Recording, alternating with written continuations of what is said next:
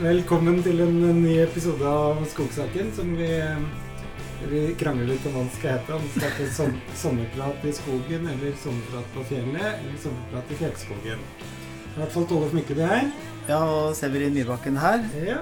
Og det, det endte med sommerprat i fjellskogen. ja, sommerprat i fjellskogen. Vi sitter nemlig på setra til Severin.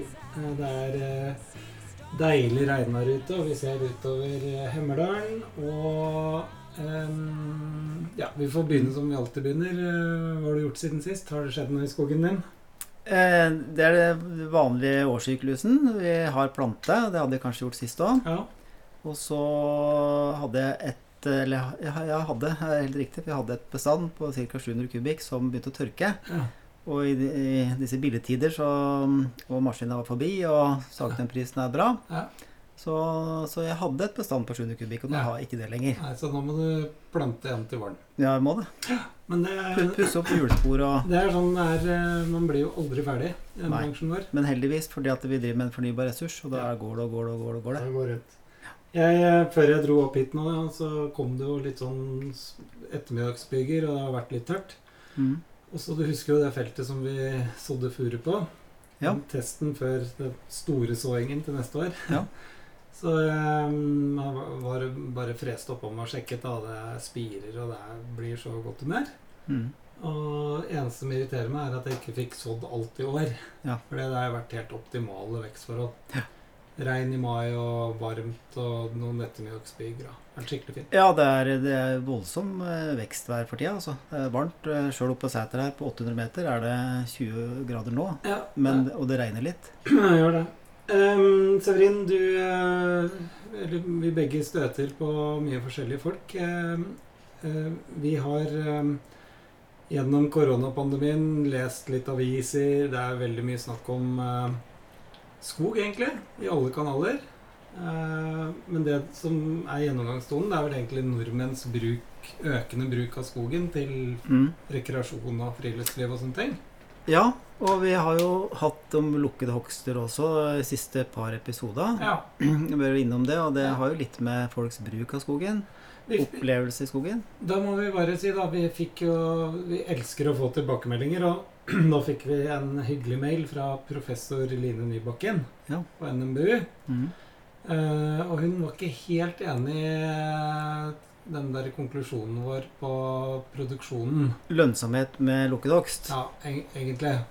Eh, du, ja, Line, hvis du hører deg, beklager, jeg har ikke rukket å svare deg. Jeg har hatt det så travelt. Men uh, du Ja, har svart. Ja, ja, Selvfølgelig.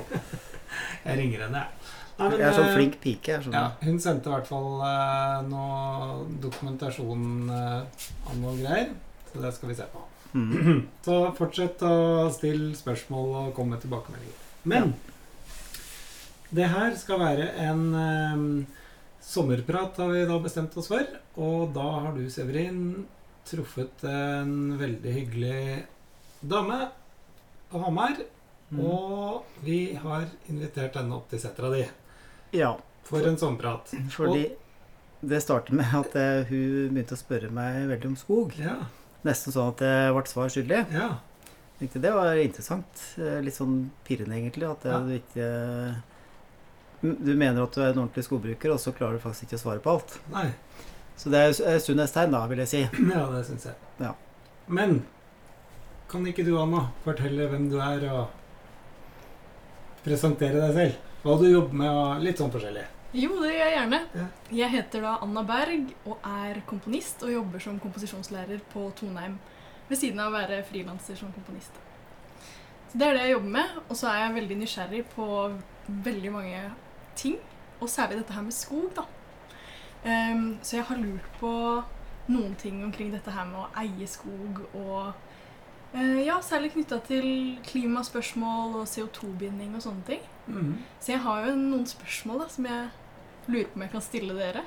Og da må vi bare si at ingen spørsmål er dumme. Nei. Det her blir jo en eksamen, muntlig eksamen, det, Tollef. Ja, altså er det Vi kan ikke love at vi har svarene på alt, men eh, ja, Vi skal prøve. vi skal prøve. Ja. Og så er jeg rimelig sikker på at det dukker opp spørsmål til deg òg, fra oss. Så bra. Ja, for, ja, for vi, det går jo på hvilke forhold eh, Altså, vi har jo snakket stort sett om som skogeiere. Mm. Og det er jo absolutt ikke alle i landet som er det. Men likevel så har folk i forhold til skogen, og bruker skogen. Altså Det er litt eh, interessant. Altså hvor Det har jeg faktisk ikke noe tall på, men eh, det, mesteparten av skogarealene i Norge, eller landarealene, er vel det er, vel- Hvis du glemmer Statskog, Mm. så er det vel mest privateid. Um, I Sverige vet jeg det er 50% bolag og 50% private. Hvordan det er i Norge? Det er jo veldig sånn gårdsskogbruk, egentlig. Mye små re Relativt sett, da. Mm. Små eiendommer. Eh, Men det er jo Så av befolkningen så er det jo Det må vel være kanskje 1 eller 2 prosent av befolkningen som eier 90% av Norge, eller et eller annet sånt nå. Jeg vet ikke. Det er mulig. Ja, det er Eh, poenget, da. Vi er veldig få, egentlig, eh, som eier det. Men alle bruker, bruker det, da. Mm. Var det litt greit oppsummert? Det var det. Og rundt der eh, det er mange folk som går, da, rundt Oslo, så er det jo store Ja, det er Oslo kommuneskoger Mm. og Løvenskiold. Løvenskiold. Og de må jo forholde seg til andre brukere av skogen. Mm. Og da tenker vi at du er en representant for det. Ja. Ja, så bra. ja, rett og slett. For du, bruker, du går litt i skogen, du òg. Absolutt. Brukte Oslo kommuneskogene nå i helga. Gjorde du det? Ja. Men har du, har du mm, eh, Føler du at du eh, Da den pandemien kom, har du vært mer ute i skogen nå enn det du var før? Eller har du på en måte ja, jeg har vært mer ute i naturen generelt, ja. Ja, Sånn som det? med resten av Ja, befolkningen. ja. Mm. Ja. Det er Mm. Mm. Men er det noen ehm, Altså, Hva er det problematiske knytta til det at det er flere brukere av skogen enn de som eier den? Eller er det noe Nei, dere tenker på rundt det? Problematisk? Nei, jeg har ikke tenkt på det som problematisk. Eh, jo, nei, vi, vi kan ikke kalle det det, men eh, selvfølgelig hadde skogbruket kommet kortere i, med tanke på eh, miljøsida sida, hvis det ikke hadde vært en mot eh, en opinion da, på en måte som hadde meninger om skog. Ja, det, det er sant. Og det er klart, du, det er bare å gå 100 år tilbake i tid, egentlig, så var det jo Gjorde jo folk som du ville, og det var jo Eller enda Ja. lenger bak, da var det jo utenlandske eiere og storkapital Ja. som Altså, norske skoger var jo helt eh, Ja da. rasert. eh, Og det skyldes jo at det, det er ikke helt til å samsvare mellom det som er økonomisk eh, optimalt da, for en skogeier, og de hensynene du må ta. Nei. Så vi må ta hensyn til eh, vann, og avrenning og biologisk mangfold og folks opplevelse, og spesielt i Oslo-området, eller nært by. Mm. Og rydde stier og ja, det er, Og det er, har jo sin kostnad, men eh, det er jo ikke verre enn at vi Alle som produserer nå, har en kostnad ved det. det du må ta visse Du må gjøre det innenfor visse rammer. Mm. Og vi, vi aksepterer selvfølgelig de rammene, for vi er jo også mennesker, vi òg, som liker skogen og liker å høre gjøken og Mm. liker å Og at det er naturnært, da. Mm. Mm. Men er det noe, altså, blir det slitasje på skogen ved at det er mange flere som bruker den nå? Nei, altså det, det er klart eh, Tett til eh, byer og sånn, så vil du nok kunne se eh, eh, Det kommer an på hva du mener med slitasje, egentlig. Det er vel mer eh, kanskje sånn type når det er tørt i skogen, at folk tar med engangsgriller og Nå har det blitt sånn veldig trendy med hengekøyer, og folk eh, feller trær og holder på. Ja, Men eh, det er ikke et stort problem. Nei, det kan jo ikke være det. På, men for, for noen enkeltpersoner så kan det jo være et problem. Altså Har du sko, Ja. en liten skogteig i nærheten av et boligfelt, og alle ungene i- skal bygge seg barytter, så kan det jo bli et problem. For å si det sånn, da. Men, eh, men i fjellheimen er det et problem. Ja, Og, og spesielt siste året. eh, Nå var det fra en nasjonalpark i nord. mm. eh, hvor det var dem? Nei, det husker jeg ikke. Nei. Men jeg tror det var i Lofoten-området. Ja. Eh, hvor det er rett og slett har blitt nesten sånne motorveier. Og vegetasjonen er borte på en bredde på fem-seks meter fordi at det går så mye folk der hele tida. ja. Som bekymring, da. ja. Mm. Så det, men det er, det, er, det er jo liksom de der hotspotta. Mm. Også Besseggen og ja. andre steder. Mm. Så det er ikke noe plagsomt, nei. Husker, husker eh, Besse, Når du sier Besseggen eh, Jeg hadde eh, ansvaret for naturreservat i konsulentjobben vår. da. Det er Mhm. ikke så ofte vi snakker om det, men vi passer å snakke om det nå. Hadde, jeg hadde ansvaret for Ridderspranget naturreservat. Mhm. Og det var Langmark Kjølmening som var grunn, grunneier der. Og Ridderspranget er jo en sånn kjempeturistattraksjon. Mm. Og da var det sånn evig krangel om hvem som hadde ansvaret for sikkerheten. For Ridderspranget det er en sånn myte om at det var en ridder fra Gudbrandsdalen som flyktet med en eller annen brud og hoppet over der, og de andre stupte i fossen eller et eller annet sånt noe. Mm. Men det er jo sånn karstykke da, å hoppe over der, og alle skal ut og se. Og, så Langmark og Almenning, de eh, husker jeg var stadig i Kall det klammerier, anførselstegn, på, på sikkerheten. Med gjerder og ja. sånne ting. Ja, altså Men for den jevne skogsdrift så er det, er det ikke noe problem. Vi, vi vil jo tvert imot at folk skal bruke skogen. Ja.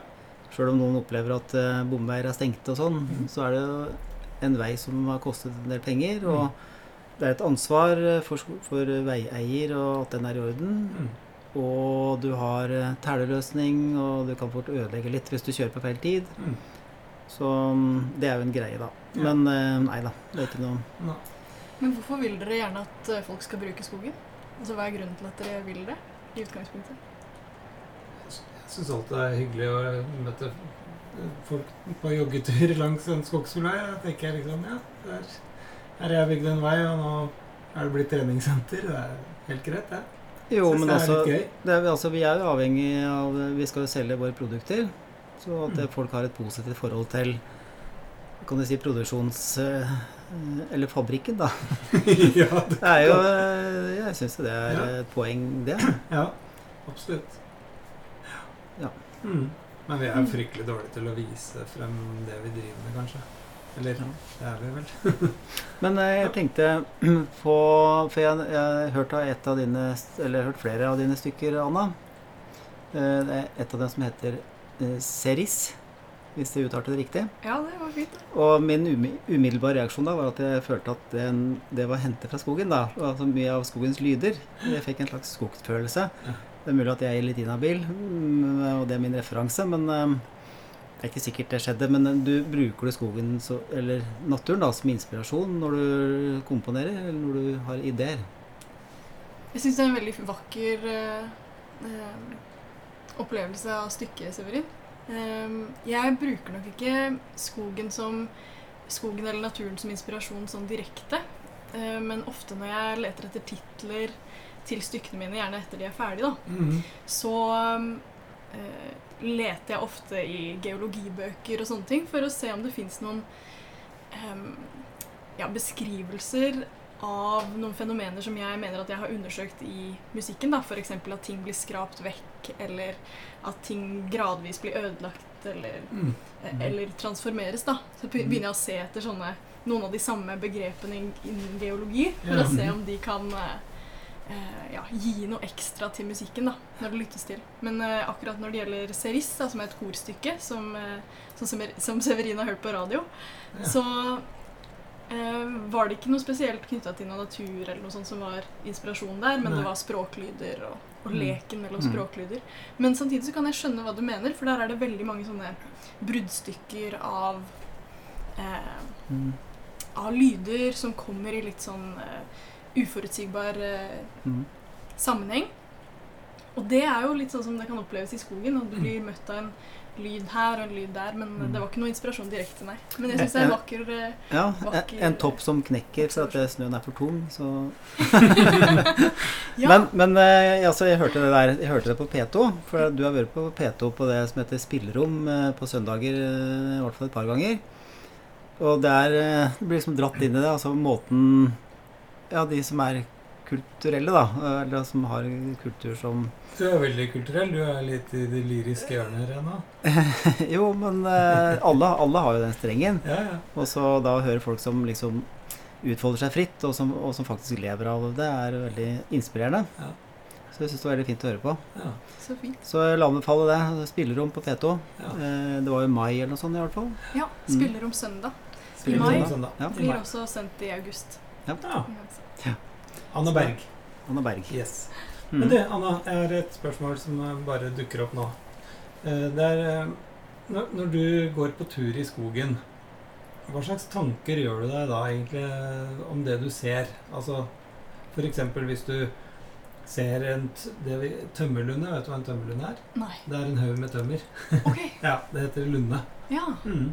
Sånn haug med tømmer som bare ligger oppå hverandre. ikke Som ligger oppå hverandre. Altså, ikke sant? Det er en tømmerlunde. Og lunde tømmer, det betyr å legge opp tømmer. Mm. Oh, ja. Og Ja. og lunde. Så hvis du går da, så ser du det ligger en tømmerlunde, og så er den skogen du gikk forbi for to måneder siden, den er borte vekk, liksom. Hva tenker du da? Det, eh, ja. Eller Da har du tenkt på- noe over det? Jeg har faktisk tenkt noe over det. Ja. Men eh, første gang jeg begynte å tenke over det og var bevisst på at det var eh, masse tømmer, det var Mm. nok i vinteren jeg gikk på ski i Nordmarka. Ja.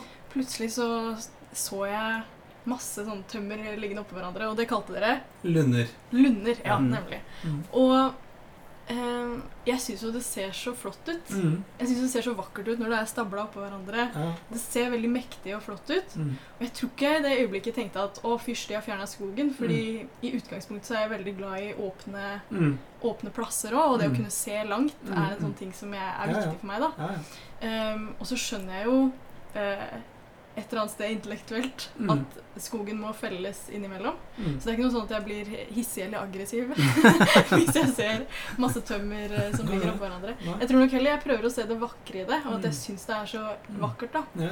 Men uh, hva tenker dere om det? Jeg, jeg tenker jo Jeg elsker jo lukten av tømmerlyder. Ja, det var akkurat det jeg skulle spørre om. Ja. Tenkte du noe på lukta? Ja, jeg gjorde det. Ja. Mm. Og jeg, jeg er jo litt sånn som kan få lyst til å gå ekstra nærme. Ja, ja, det lukter Ja. helt fantastisk. Ja, det- det Særlig om våren, sånn i marssola og en sånn, gå forbi en tømmerlunde. Det er helt Men eh, da syns du også at det lukter godt? Ja, ja. Mm. Jeg synes Fordi det det, lukter det, det kan være nå at vi er litt uh, miljøskadd, da. ja.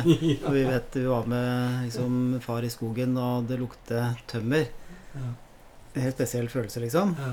Så ja, jeg syns det er kjempegod lukt. Og eh, ja. Men eh, Mm. i, i går, faktisk Er det ikke 6. juli i dag?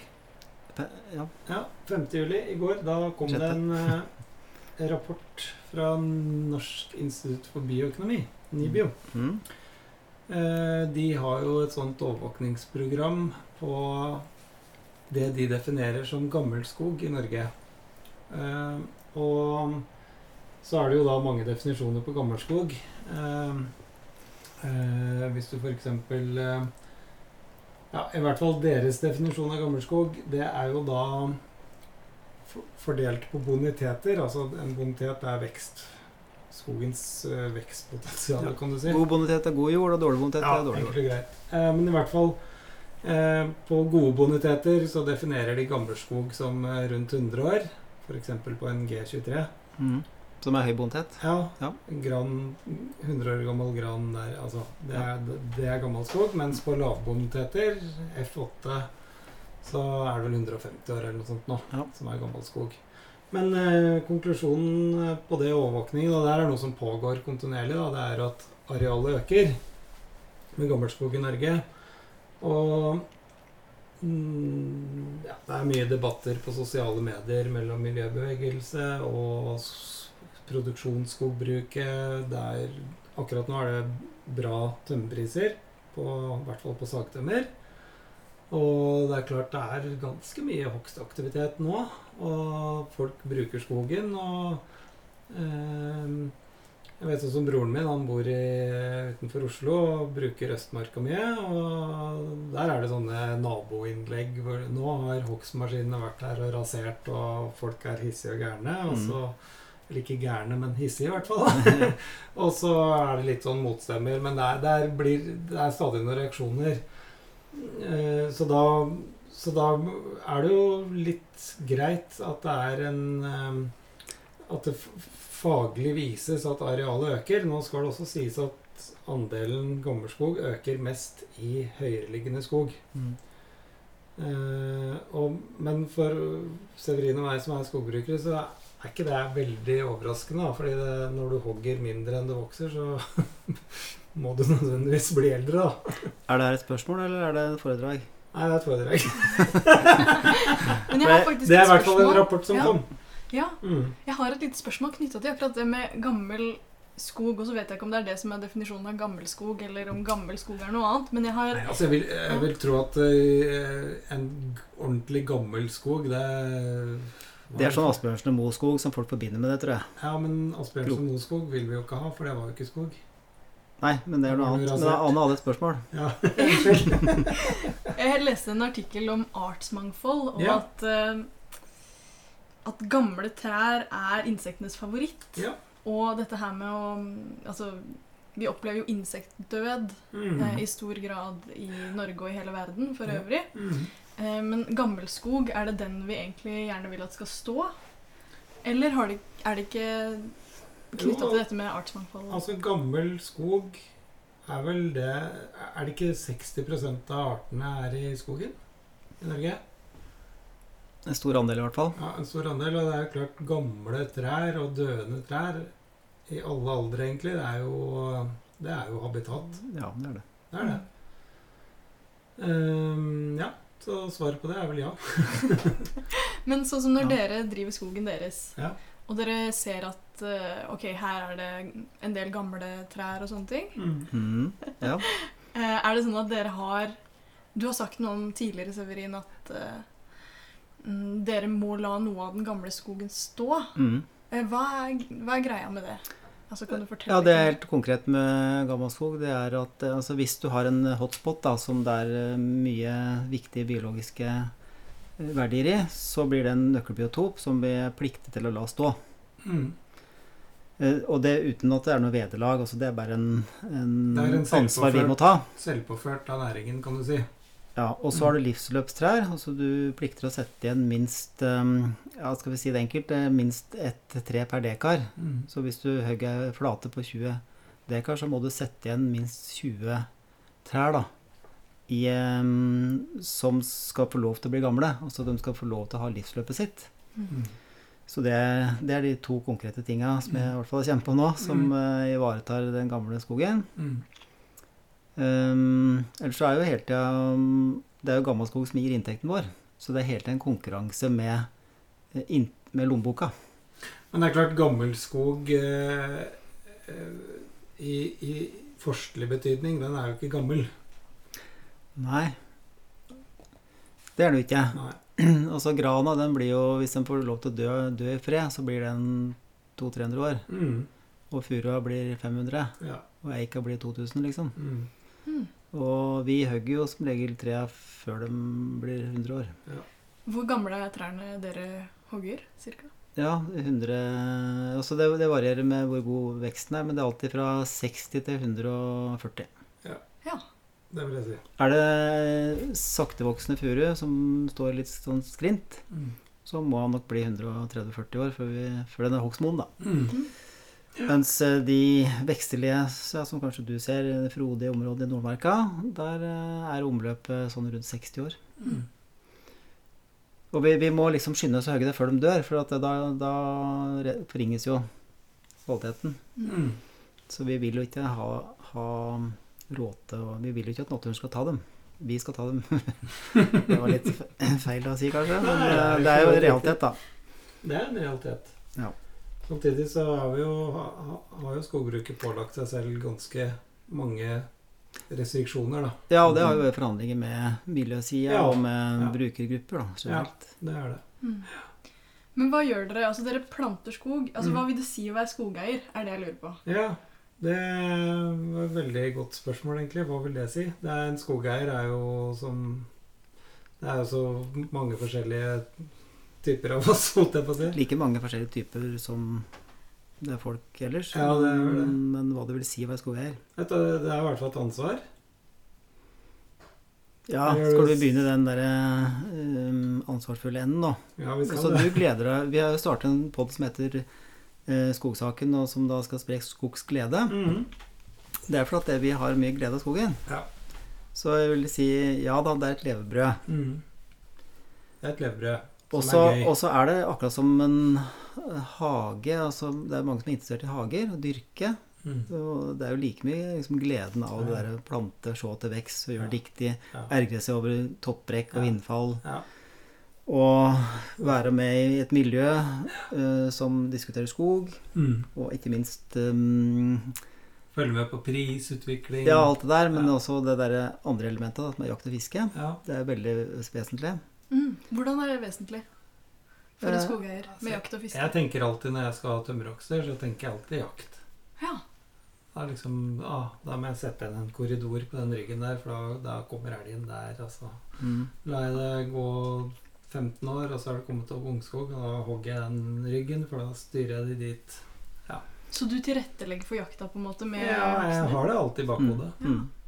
Her blir det en fantastisk elgpost når jeg hogger det bestandet der. Da, ah, perfekt, da, den fura der, den skal stå, for der skal jeg sitte, og så videre. For å si det sånn, da, hvis du snøver hele lia di, Mm. eh, så er ikke, vil ikke den Elgen har ikke lyst til å gå midt utpå der. Nei. Så da blir det litt sånn fattig også viltmessig, da. Mm. Så det å ha litt variert skog Mm. for å få viltet, det, vi er opptatt av det. Ja. Det er fordi vi har lyst til det. Vi, altså, vi er interessert i det. Ja. Så dere eh, Så det blir jo et eh, tett samspill da med flere deler av naturen, og ikke bare skogen. Mm. Det vil jeg si. Men vilt og andre folk òg. Men eh, fiske, da? Åssen har det tilknytning til det? Eller er det bare fordi det heter jakt og Det er fordi at det ofte er ei gammel skogskoie eller hytte eller ei sæter ved et fiskevann. Mm. Som, en rettighet da, som hører med. Ja, akkurat. Men du kommer jo til eh, vassdrag og sånn, altså hvis vi skal snakke skogbruk. Altså Vi hogger jo aldri helt inn, inn til vannet, f.eks. Nei, det, det er ikke lov. Hvorfor er ikke det lov? Hva er grunnen til det? Eh, erosjon, kanskje, og også biologisk Kantsone. eh, Fisken skal jo ha at det detter ned en gran i et tjern. Det er jo yngleplass for fisk og Ja. frosk og Og så er det ofte mye eh, løvtrær og sånn eh, nær vann mm. som er, har, er biologisk rikt. da. Mm. Fugler og Ja. alt mulig. Mm. Men eh, Anna, du, ja, du bruker skogen lite grann, og, men eh, og du er jo et annet miljø enn det vi er. Eh, Er, er skogen noe tema, liksom, i det miljøet du er? Tror nok eh, I miljøet mitt så handler det nok mest om det å, å Altså, I den grad vi snakker om skog, så handler det om å gå tur. Mm. Eh, handler om å gå tur, henge opp hengekøyer. ja. Mm. har mange venner som er opptatt av det. Ja, det det? Ja. Mm. Eh, men det er jo litt sånn samme folka som er opptatt av å gå i fjellet. Og Ja, sånn, da. ja, ja, Så vi snakker Mm. ofte om det som én ting, og ikke spesifikt om skog. Nei. Skog og fjell, da. Natur, Har du- Har du opplevd at, det, at noen av dine venner har kommet tilbake fra, fra en skogstur og vært ergerlig over at, det, at gammelskogen er borte? Nei, det har jeg aldri opplevd. Eller Ja. hjulspor, dype hjulspor og sånn som det av og til eh, må bli da, når du skal avvirke? Jeg har faktisk aldri opplevd det. Ehm, og det Kanskje jeg ikke har spurt nok. Jeg, er veldig var på det Mm. der hvor jeg vet Altså, får du mye kjøreskader, så skal du jo Du, du må sende inn en gravemaskin og reparere, da. Mm. Men det er, jo, ikke sant? det er jo veldig ofte at man, folk ser det med en gang, når kanskje tømmerdriften akkurat er ferdig. Og det er ikke sånn at uh, du nødvendigvis får tak i en gravemaskin dagen etter. Det kan kanskje gå et par måneder. Og det er sånt som Mm. ergrer meg, hvis jeg vet at her går det folk på tur og sånn. Da vil jeg gjerne ha rettet opp det med en gang. Det er derfor du har kjøpt deg gravemaskin sjøl. Ja. Du slipper å vente på Slipper å En vente på, vente på entreprenøren, ja.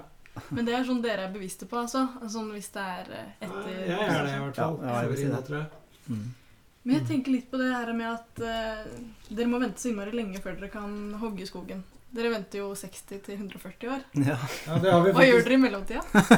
Nemlig det, og det er det som er det morsomme med skogbruk. Det er, det, det er nettopp den produksjonsfasen som er gøy. ja, men det varer jo lenge, da, som Anna sier.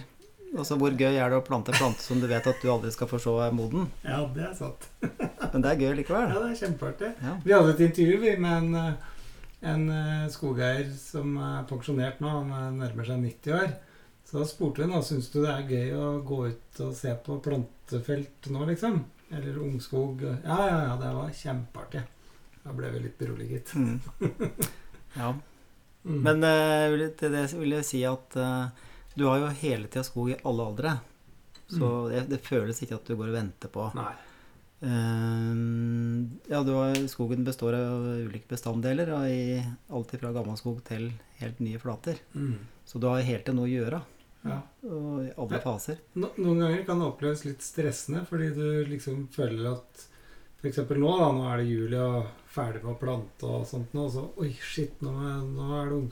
Må få nå, Den plata der, og nå begynner det å bli mye løv. Nå må vi få i gang noen ungskogpleie. Jeg vil jo kalle deg en ganske lettstressa type, da, hvis det du driver med noe som skal vekse i 100 år, og så blir du stressa for du ikke rekker det.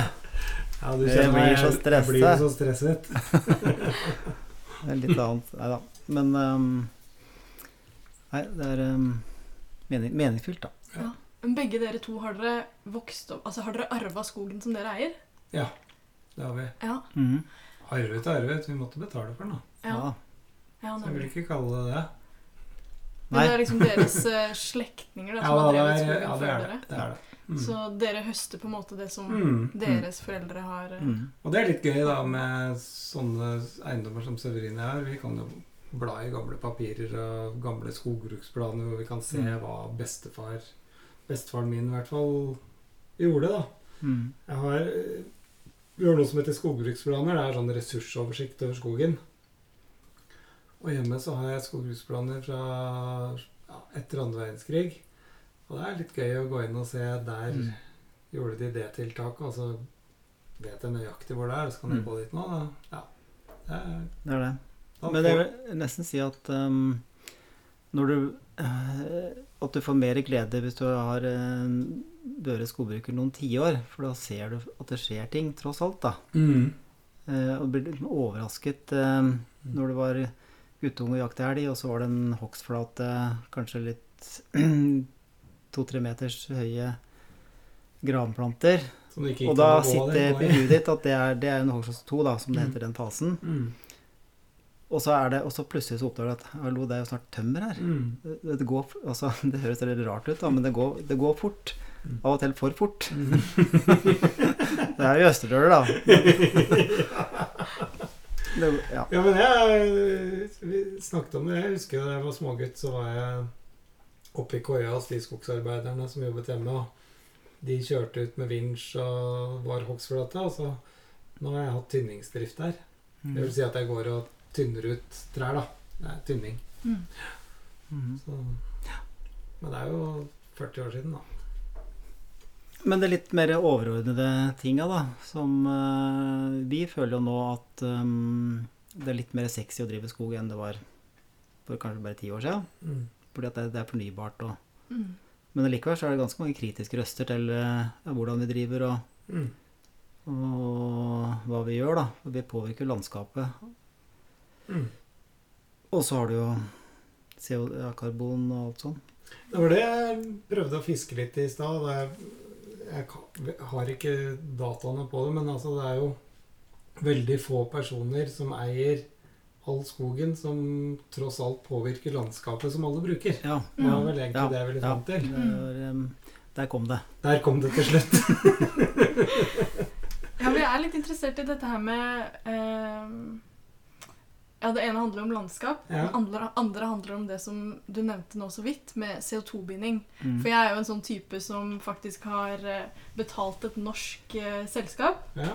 for å plante trær på andre siden av eh, jordkloden. Ja, hva er For det for liksom, det heter Choose, norsk, eh, norsk selskap, da, som har starta en sånn Ja, du kan betale for ulike klimaprosjekter. Jaha.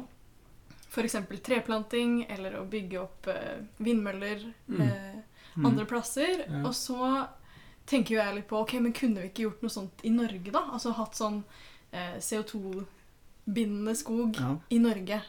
Hva tenker dere om disse tinga her? Miljødirektoratet hadde jo, fikk jo i oppdrag å utrede det der, og kom til arealer som egnet seg for gjenplanting. Men jeg vet ikke om det er blitt noe av. Jo, på Vestlandet er det tilskudd til uh, gjengroingslandskaper. det er kanskje ikke helt det samme, men uh, det helt konkrete vi opplever med CO2, um, det er at vi får tilskudd til å gjødsle. Altså skogen skal vokse fortere for å binde mer CO2. Det, det har materialisert seg på den måten. Men Det eh, er jo omstridt, da. ja, det er det òg. Så det, det er jo Det er litt eh, motsetning innimellom mellom CO2-binding og naturvern. Mm. Det er jo bare å Men- nevne vindmøller. Ja, men det du spurte om, det, det er jo et uh, selskap i Norge helt i gryende startfasen som heter Trefadder. Så Du, har, du, har du lest om det? Nei, jeg har ikke Nei. lest om det, så du må gjerne fortelle litt om det. Det er samme ideen som eh, det du har betalt for, da. Mm. Men det er at da dreier det seg om norske skoger, og de er en slags bin bindeledd eller megler mellom de som ønsker å kjøpe litt sånn god samvittighet for å eh, binde CO2, og så gis en del av de penga til, sånn jeg har forstått det, da, til eh, skogeiere for at de skal plante litt ekstra. Det skal være en nettoeffekt, på en måte, da. Mm. En, formi en formidler, de er en formidler av um, um, For at ressursen skal styres mot å øke CO2-bindinga. Mm. Ja, nemlig. Så det du sier om at trær kan Altså når dere gjødsler sånn at trær kan vokse fortere, Mm. Um, så er det også en annen ting som jeg begynner å tenke på da, og det er hvis trær får stå lenger, er det noe sånn at de kan binde mer CO2 da? Altså framfor å hogge de, eksempel, da. Ja, altså det er det jo Det er jo veldig mye forskning på det etter hvert nå. Og det er klart at eh, lengre omløpstider eh, og at det bindes mye karbon i jorda. Mhm. Så for det er klart når du hogger et bestand, så slipper du ut CO2. Så, øh, samtidig, når du planter, så vil det ta noen år, og så vil det Kall det nulles ut, da. Men øh, jeg, vi får ta en episode med Line Nybakken. Hun forsker mye på det der med karbonbinding. Og det er jo åpenbart sånn at det lagres jo karbon både i biomassen over bakken og under bakken. Mm. Ja, altså det som skjer i bakken, det er et veldig hett tema Mm. eh, for eh, jeg kan si miljøsida, da. Eh, For det frigjøres når du hogger flate. Men eh, den åpenbare som vi ser, da, som skogprodusenter, Mm. eh, det er jo at vi hogger tømmeret når det er en viss dimensjon, for Mm. det er det sagbruka vil ha. Mm. Men det hadde vanligvis godt kunne stått i ti år til Mm. og lagt på seg, og da har det en veldig høy løpende tilvekst. Mm. Eh, Så det er ikke helt samsvar mellom når det er økonomisk hogstmodent, og når det er kall CO2-hogstmodent. da. Det er en viss differanse der. Mm. Så det er kanskje noe man kan løse ved Ikke at vi skal ha penger for alt, men eh, i hvert fall eh, det er noe sånn mekanismen er. Mm. At det, la oss si at du har fått um, litt kompensert da, for at du lar det stå i ti år til. Mm. På det, det eventuelle tapet man har på det, Mm. så ville du økt CO2-bindingen. Mm. Det er jo kjemperelevant. Ja. Eller det høres jo for meg, Ja. da, som er helt utafor det her Det kan godt hende det er noe som kommer. Mm. Vet. Men eh, det er ikke sikkert sagbrukene er så veldig happy for det. da. Nei. Fordi sagbrukene er da opptatt av at det skal være en viss dimensjon for at det skal Ja, det skal gjennom et maskineri, og Mm. folk skal bygge hus og plattinger og Mm. Nemlig. Som skal stemme akkurat med 2-4 og, mm. og 2,6 og Ja. Alle dimensjonene som folk vil, som, som folk etterspør. lengder og ja. Mm. Jeg lærte en ting om gran som jeg ikke visste fra før. Ja. Og det er det at eh, gran er en fremmed art i Norge. Stemmer det? Eh, det er Det er den nyeste arten. Eh, det kom for 2500 år siden til Norge. Det, Ja, var i hvert fall- det var i hvert fall 2500 når jeg gikk på skogskolen for 30 Ja. år siden. Det er Ja. mulig at det er litt mer nå, da. Ja. 3000 år siden. Ja.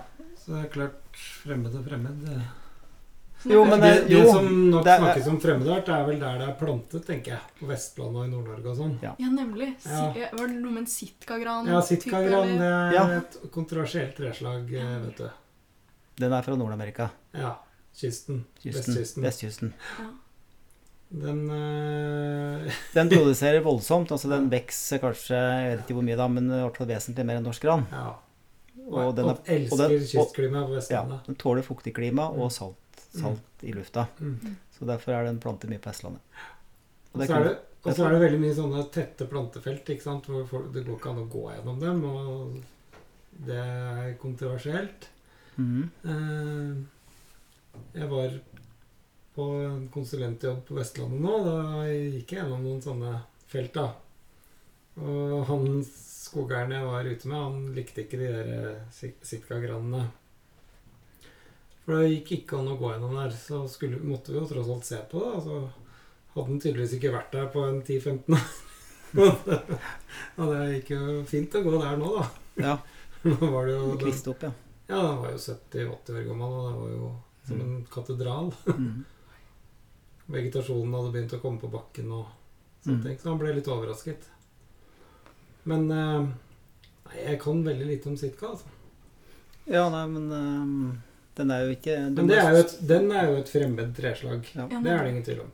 Men at grana, som vi ser utover her nå, er et fremmed treslag i Norge, det vil jeg ikke Nei, den, Det den er naturlig i hvert fall. Ja. Ja. Eh, Men den sprer seg stadig. Den går, Vestlandet er det ikke gran. Det, det er vel noe naturlig gran på Voss. Ja, Og, og så er det Saltfjellet nordover. ja det er jo grensa der. Ja, så det, Men det sprer seg Det er jo naturlig. Altså det er klart, eh, Hvis man ikke hadde plantet gran på Vestlandet da, i, på 50-tallet, så hadde det ikke nødvendigvis vært gran der nå, men på et eller annet tidspunkt så vil grana komme over fjellet til Vestlandet uansett.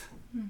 Grana skal erobre verden, den, for at den er Ja. skyggetålende. Ja, ja. Den, den eh, er altså ikke et pionertreslag som trenger mye lys. Den kan snike seg inn og Mm. vokse under, og så, så fort løvtreet over Mm. dør, så kommer grana og overtar. Da blir det så mørkt der at da kommer det ingenting annet under. Så grana vinner til slutt. Grana vinner til slutt. Mm. Og så da må det skje en katastrofe, eh, type skogbrann, Mm. eller sterke stormfellinger, før det igjen så pionerarter, da, som løvtrær spesielt er, Mm. Og også furu, da, delvis. Mm. Så det er liksom dynamikken, da. Hva betyr det at noe er et pionertreslag? Eh, det er at det er de er først ute Først ute på, på hogstflata. på hogstflata, ja. Ok. Så vi har en stadig kamp mot pionertreslaga, for vi vil, vi vil ikke ha altfor mye løv, for at løv løvet gir litt dårligere inntekt da, enn Mm. gran.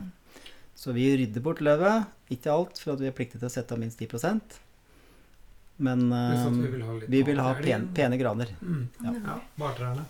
Altså, vi var jo inne på dette med landskap, og hvordan landskapet forandrer seg ved hogstflater og sånn, men det er jo også et tema hvordan landskapene har forandra seg i Norge fordi grana har vokst opp overalt. Mm. Altså, Har dere noen tanker rundt det? Er er det noe problematisk for eh, artsmangfoldet, f.eks., at det har blitt så mye gran rundt omkring? Altså det er jo plantet eh, gran på furumark i Norge altfor mange år, spør du meg. For å sitere den svenske skogspodden, da, som er durkdrevne skogbrukere, så Ja, det er for mye forgraning i Sverige. Mm. Så det, det er for mye gran. Ja. Men da er det med tanke på produksjon, for at når grana kommer på litt svakere marker, Ja. så er den dårligere enn furua. Det er bedre med furu. Men ehm, det er svar på spørsmålet ditt, eh, så sliter jeg litt. Da- Og det må vente, for nå har vi snart ikke batteri igjen her. Og Nei. vi, har ikke, vi må ordne med strømmen, så nå må vi ta en liten pause.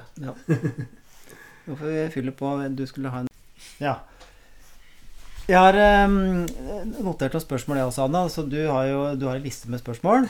Og vi har svart på en del av dem, og noen uh, har sikkert allerede svart på uten at du kanskje har spurt. Jeg har ett her, og det er Er du opptatt av tømmerpriser, Anna? Altså, jeg vet nesten ikke hva tømmerpriser er. Altså, mener Nei. du Pris på tømmer? pris på liksom, byggematerialer, eller pris på å kjøpe ved, liksom? Det er tøm tømmeret som ligger på de, denne lunda da, som jeg snakket om før. Ja. Som tømmerbilen kommer og henter. Og den blir jo til eh, materialer. Eller til Ja. dopapir, eller eh, Ja, nemlig. Ja, på hva det det er. dårligste blir til dopapir og cellulose og ja, sånne ting. Men um,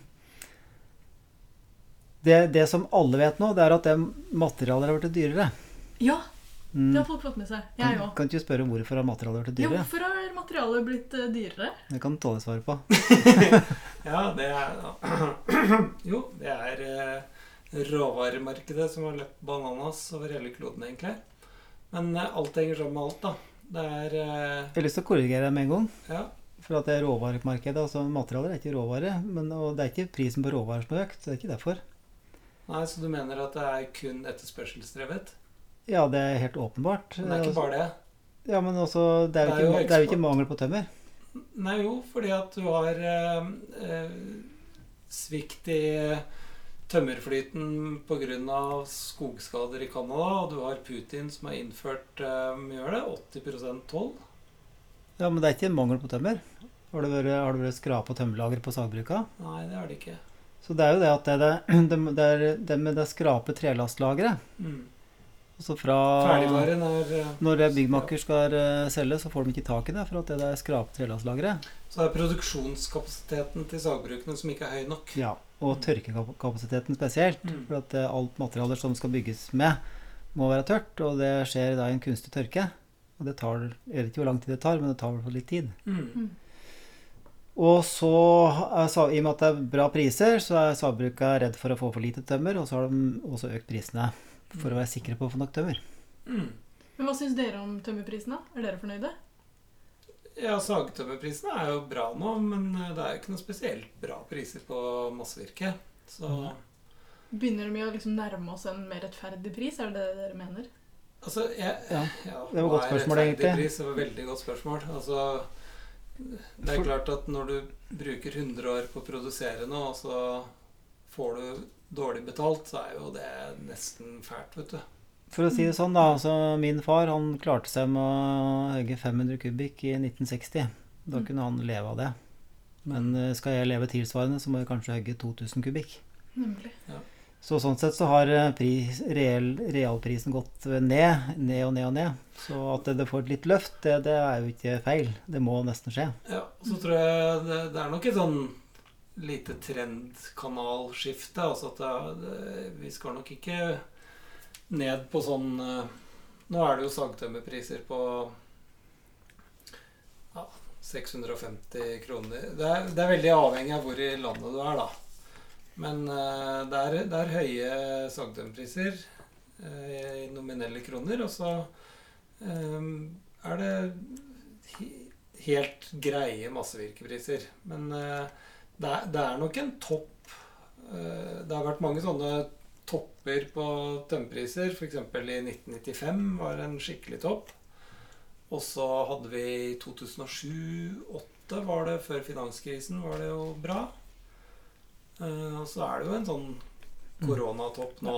Det er en konjunkturnæring i hvert fall. Ja, Så det går opp og ned. ja går opp og ned. Mm. Så, men vi er alltid positive, da. Så jeg er helt sikker på at uh, når jeg steller skogen min, så er, er det jo fordi at jeg har, en, har bestemt meg for at det er lønnsomt, og at det blir mer verdt i Mm. fremtiden. Mm. Ellers så er det ikke noe vits å drive med det. Samtidig vi er vi jo veldig risikovillige da, for å, investere noe som skal høstes om 60-80-100 år. Du aner ikke hvordan verden ser ut da. Mm. Så vi er jo sterke i trua, da, for å si det sånn. Ja. Mm. Men er det, mm, er det lukrativt å være skogbruker i dag? Du sa jo noe om at det var veldig annerledes i 1960 Ja. sammenligna med nå. Så er det mulig å leve av det? Eh, Det er alt avhengig av hvor mye skog du har, hvor mange mål du har, som, eller hvor mye kubikk du produserer. Så, og hva slags forbruk du har. Det tror kanskje mange skogeiere har et uh, lavt forbruk. Jeg tror det, faktisk. Landbruksnæringen er jo ikke Det er jo en kapitalintensiv næring med, med lav avkastning, da. Ja, Det kan vi ja, det jo det. si ellers for skogbruk òg. Ja, ja. Mm. Neida. Men det er et eh, levebrød mer og mindre for eh, mange. Ja. Akkurat som andre har andre jobber som komponister. Og, Også med lav inntekt og lavt forbruk. Ja, ja, akkurat. Så det, Ja da. det er veldig greit, det. Mm. Det er det. Men eh, tror du Vi prater jo på altså Vi Tollefjell vi kaller det skogbrukere. Mm. Men du er jo skogbruker du òg. Du bruker jo skogen. Ja, hvis det er det som er definisjonen på skogbruker, så tar jeg, tar jeg gjerne den hatten, altså. Mm. Skal vi ikke være enig i det? At Vi er alle brukere alle- av skogen. Ja. Mm, det er vi. Mm. På altså, Ja. Altså, Severin og jeg vi er jo veldig sånn kubikk-orienterte, så jeg syns det var veldig gøy å snakke med deg, Anna. Om Mm. litt andre perspektiver. Så er jeg veldig spent på um, altså, videre, hva du skal, eh, skal gjøre videre. Du skal jo da komponere mer. Mm. Kan du ikke lage en hymne til skogen? en, en jingle her først? Da. Ja, vi får se. det var veldig hyggelig å Ja. prate med dere. Lære mer. Fantastisk. Så det her var en sommerprat fra skogsaken hvor vi ikke gikk i dybden på noe som helst, egentlig. Nei, men eh, interessant. Det er veldig artig å bli eh, få spørsmål som er litt sånn vinkelrett på hva, man, hva vi ellers tenker, da. Ja, så er det veldig greit å få kontakt med den virkelige verden. Ja. Det er det. Men Severin, eh, nå skal vi vel ta litt sommerferie. Ja, Juli er det nå. ja da. Det, det er litt det nå. Og travelt som fy blir det til høsten, men vi har jo det her som vår store hobby, så vi kommer tilbake. Mm, Plutselig. gjør det. Ja. Kanskje Anna kommer tilbake òg? Gjerne det. Ja, Mm. greit. Jeg har noen skogblad liggende rundt her som du kan få låne. Tusen takk. Mm. Ja. Og så må du også um, gjerne introdusere oss for eh, din verden. Det gjør jeg Sånn gjerne. mer om Og som sagt, Tollef, du må høre på Spillerom på P2. Da Der er. Anna, hvis du vil vite mer om Anna. Og så får du gå inn på Og sikkert flere steder òg. Du har en egen hjemmeside som heter annaberg.no. Det stemmer, det. Mm. Spiller om søndag og annaberg.no. Berg. Mm. Og så får dere gå inn på Facebook-siden vår. Da skal vi legge ut noen bilder fra utsiktene vi har nå, og hvem vi er og hva vi driver med. Og så, Mm. så kommer vi nok litt mer tilbake til eh, hardcore skogbruk i neste episode. Ja. Kjenner jeg oss rett. Ja. Greit. God sommer. Fint. God sommer. Anna. God sommer!